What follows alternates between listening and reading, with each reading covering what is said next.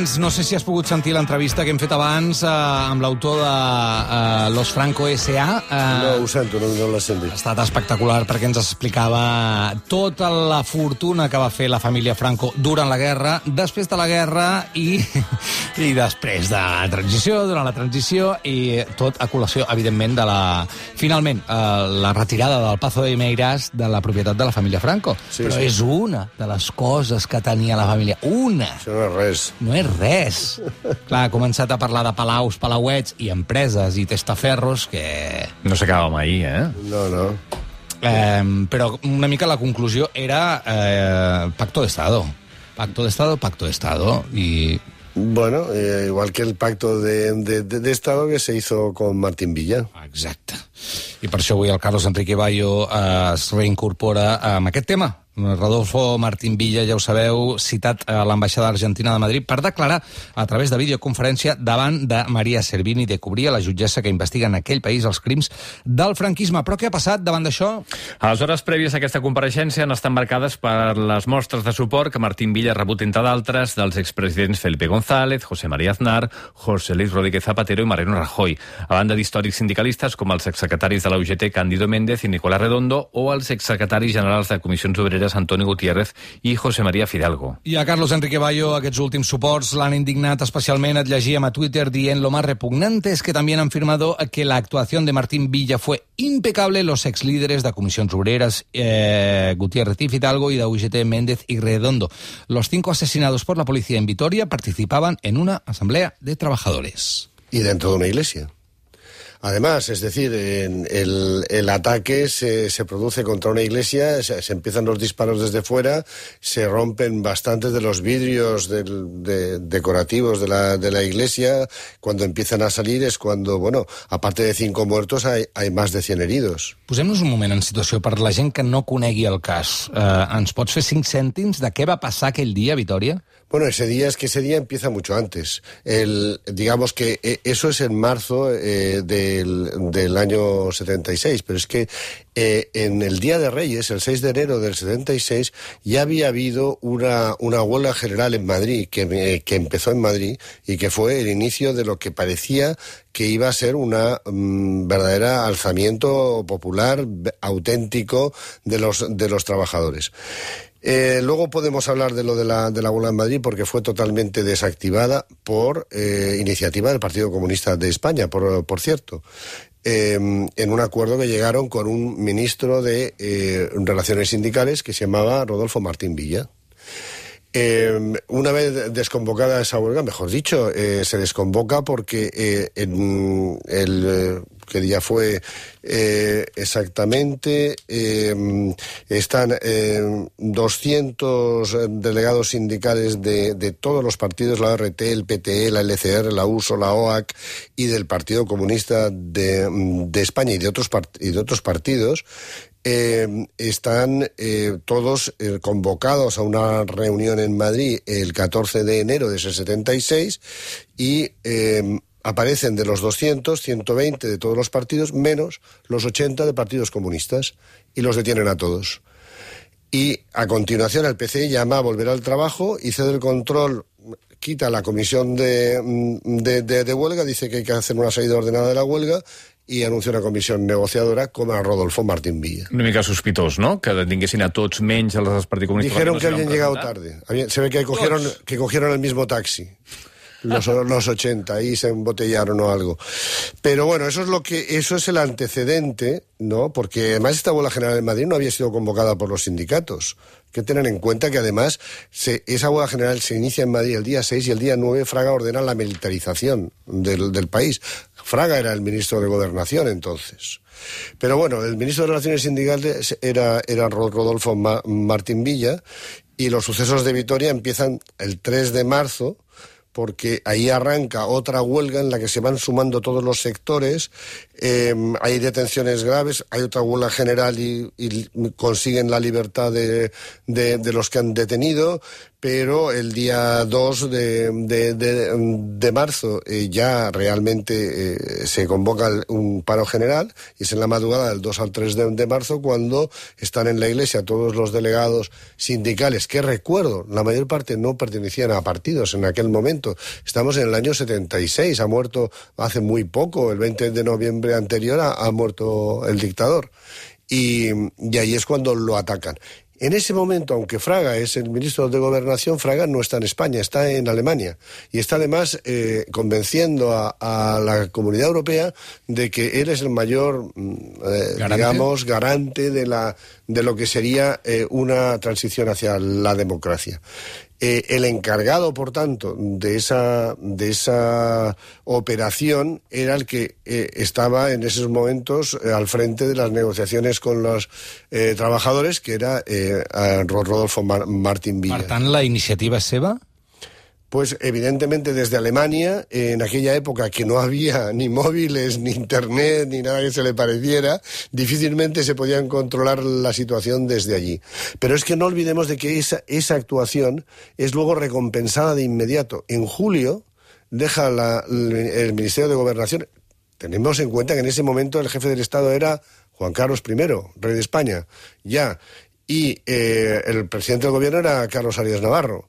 Entonces, eh, en julio deja el, gobernación, como se llamaba entonces Interior, eh, Fraga, y se lo dan a, Rodolfo Martín Villa. Y a partir de ese momento se le, se le eh, comienza a llamar la porra de la transición. Así se le conocía. bueno, se le conocía así porque, vamos, es un hombre que procede de la falange tradicionalista y de las Hons. No lo olvidemos.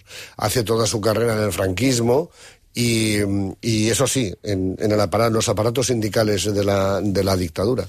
Pero eh, a partir de ese momento se producen realmente eh, muchísimos atentados de ultraderecha en los que participan fuerzas de seguridad españolas. Hay más de 100 muertos en, el, tiempo en el que eh, es ministro de, Gobernación primero y luego ya cambia a ser de Interior con Suárez, porque cambia la denominación, eh, Martín Villa, y las fuerzas de seguridad están participando una y otra vez en lo que son eh, atentados ultraderechistas contra, eh, mm, bueno, pues dirigentes obreros o, izquierdistas o incluso homosexuales o ecologistas sin más. Y, y, además es que eh, realmente es un, es un periodo negro. Bueno, se hacen montajes como lo, del, lo de la escala aquí en Barcelona. Bueno, no, no olvidemos que este hombre durante el franquismo había sido gobernador civil de, de, de, de Barcelona. Eh? eh de tota... Perdona, digues. No, no, anava a preguntar, ja per, per, per avançar una mica, per saber què està passant amb Argentina. Argentina, uh, hi ha sobre Rodolfo Martín Villa una ordre de captura internacional per crims contra la humanitat. Bueno, es que, claro, el, vamos a ver. Qui fa aquesta denúncia? Están, son muchos las, las, las, las víctimas que hacen e, esas denuncias. I per què la fan a Argentina i no l'han fet, no ho sé, a Suïssa o a Alemanya o a un altre lloc? Bueno, porque en Argentina se estaban llevando adelante una serie de juicios contra la dictadura argentina y allí no se hizo punto final, como fue la ley de, de amnistía aquí. Entonces, allí precisamente el... Eh, eh, digamos, eh, el aparato judicial se movilizó para hacer justicia sobre los crímenes de la dictadura anterior.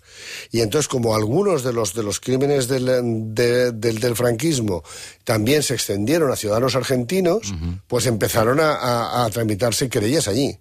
Pero es que dentro de las acusaciones que pesan contra Martín Villa, no solamente es la, masacre esta del 3 de, marzo del 76, sino también los asesinatos policiales realizados durante la segunda semana pro amnistía en Euskadi, la, agresión eh, también criminal de, fuerzas ultraderechistas en los Afermines del 78 y asesinatos de, como decía antes, en Alicante, Málaga, Barcelona, Madrid, Tenerife. Es decir, no, no son solamente los hechos em, de, de Vitoria. Hay que tener en cuenta que cuando él es, eh, ministro del Interior, él llega a tener a sus órdenes al famoso Roberto Conesa, el supercomisario que, era, que fue el famoso del franquismo por las brutales prácticas de, de, tortura, más que Billy el Niño, aunque luego ha sido tan conocido Billy, Billy el Niño. Y él tiene el Ministerio del Interior hasta el año 82, en el que, en el que eh, gana las elecciones Felipe González, y para entonces, para el año 82 todavía. ¿Qué hacen con él? Eh, uy, él sigue ascendiendo. Ahora, ahora lo contamos.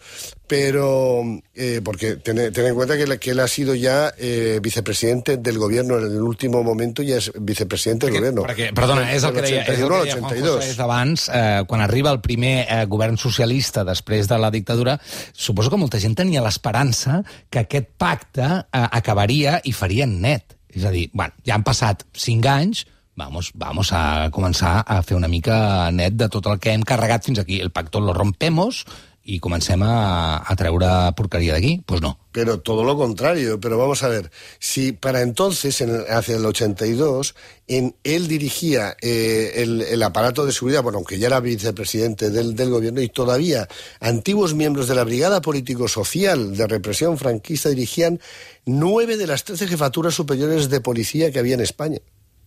O sea que, y estamos hablando del año 82.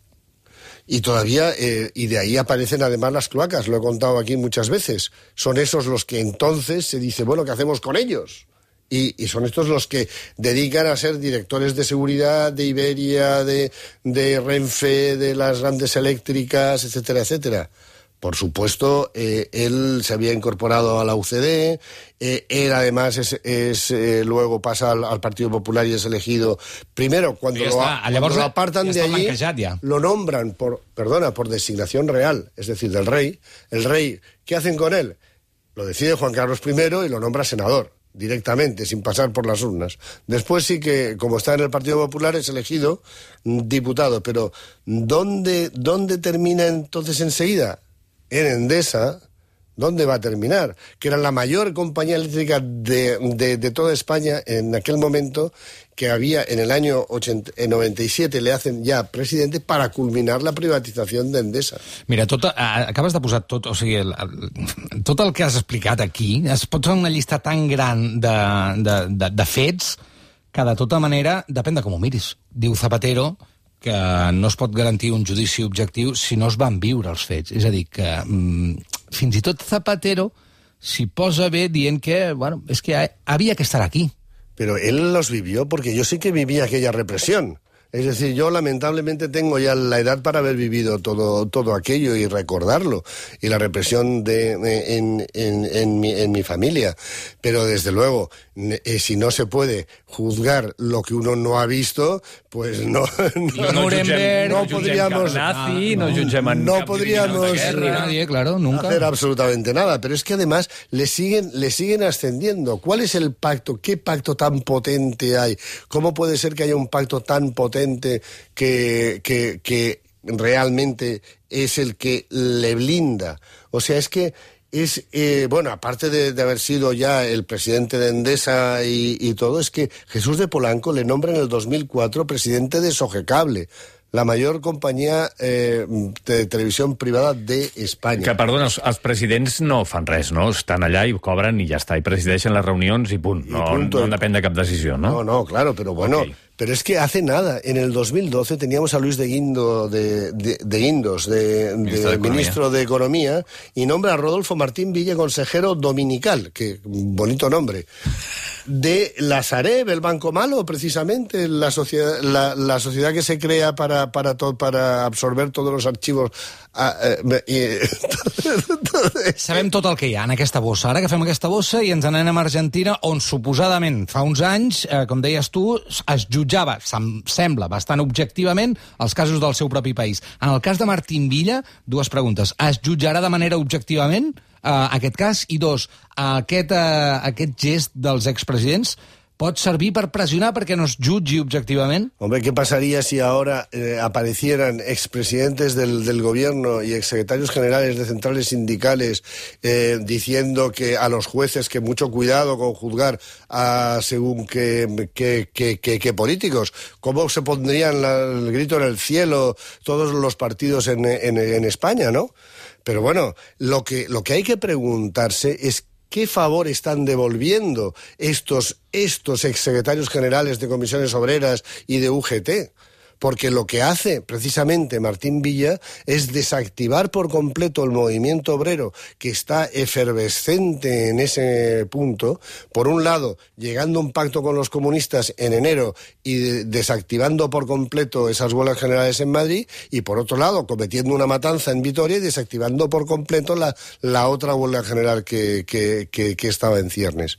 Pero como dijo Camacho, que fue el el que defendió la ley de, de, amnistía, el que la presentó, porque la ley de amnistía fue presentada por el Partido Comunista de España y el, y el en, el, en la primera propuesta que hubo en el primer eh, Congreso de los Diputados en España, y la defendió eh, Marcelino Camacho, recordando que eso era la política de reconciliación nacional del Partido Comunista de España de Santiago Carrillo desde el año 1956 porque no olvidemos que eh, vuelve con un indulto a España del, del, exilio Camacho en, en, el año 57 y se pone manos a la obra a hacer esa, esa política de reconciliación nacional, pero esa política de reconciliación nacional, aparte de que consigue que los dos únicos grandes sindicatos en España, UGT y comisiones, están al servicio de dos partidos, cosa que no había pasado nunca en España. Los sindicatos eran independientes.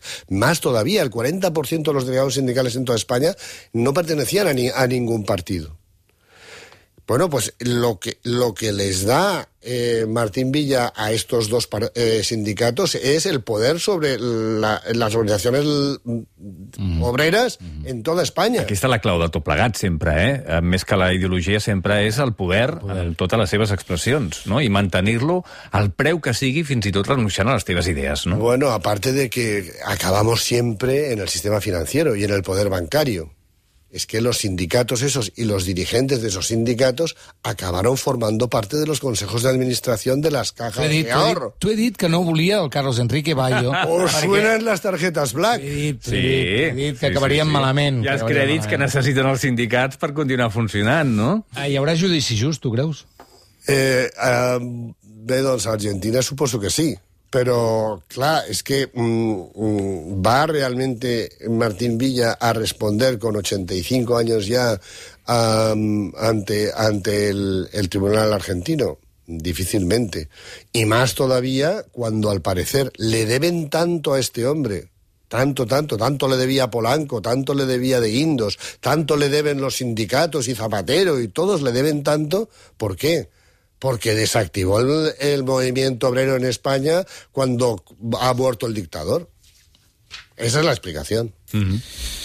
Uh, hi ha una altra part de la notícia, res per tancar ja, eh? eh que no, jo no la sé, com a mínim, o no l'he llegit, és a dir, quatre expresidents i delegats sindicals fan aquesta carta, però no sé com ha reaccionat la justícia argentina eh, o la premsa argentina o la política argentina davant d'aquesta pressió espanyola. Bueno, como digo yo siempre aquí, eh, el, aquí el Poder Judicial entra siempre en política, pero luego tiene la, la, piel muy fina.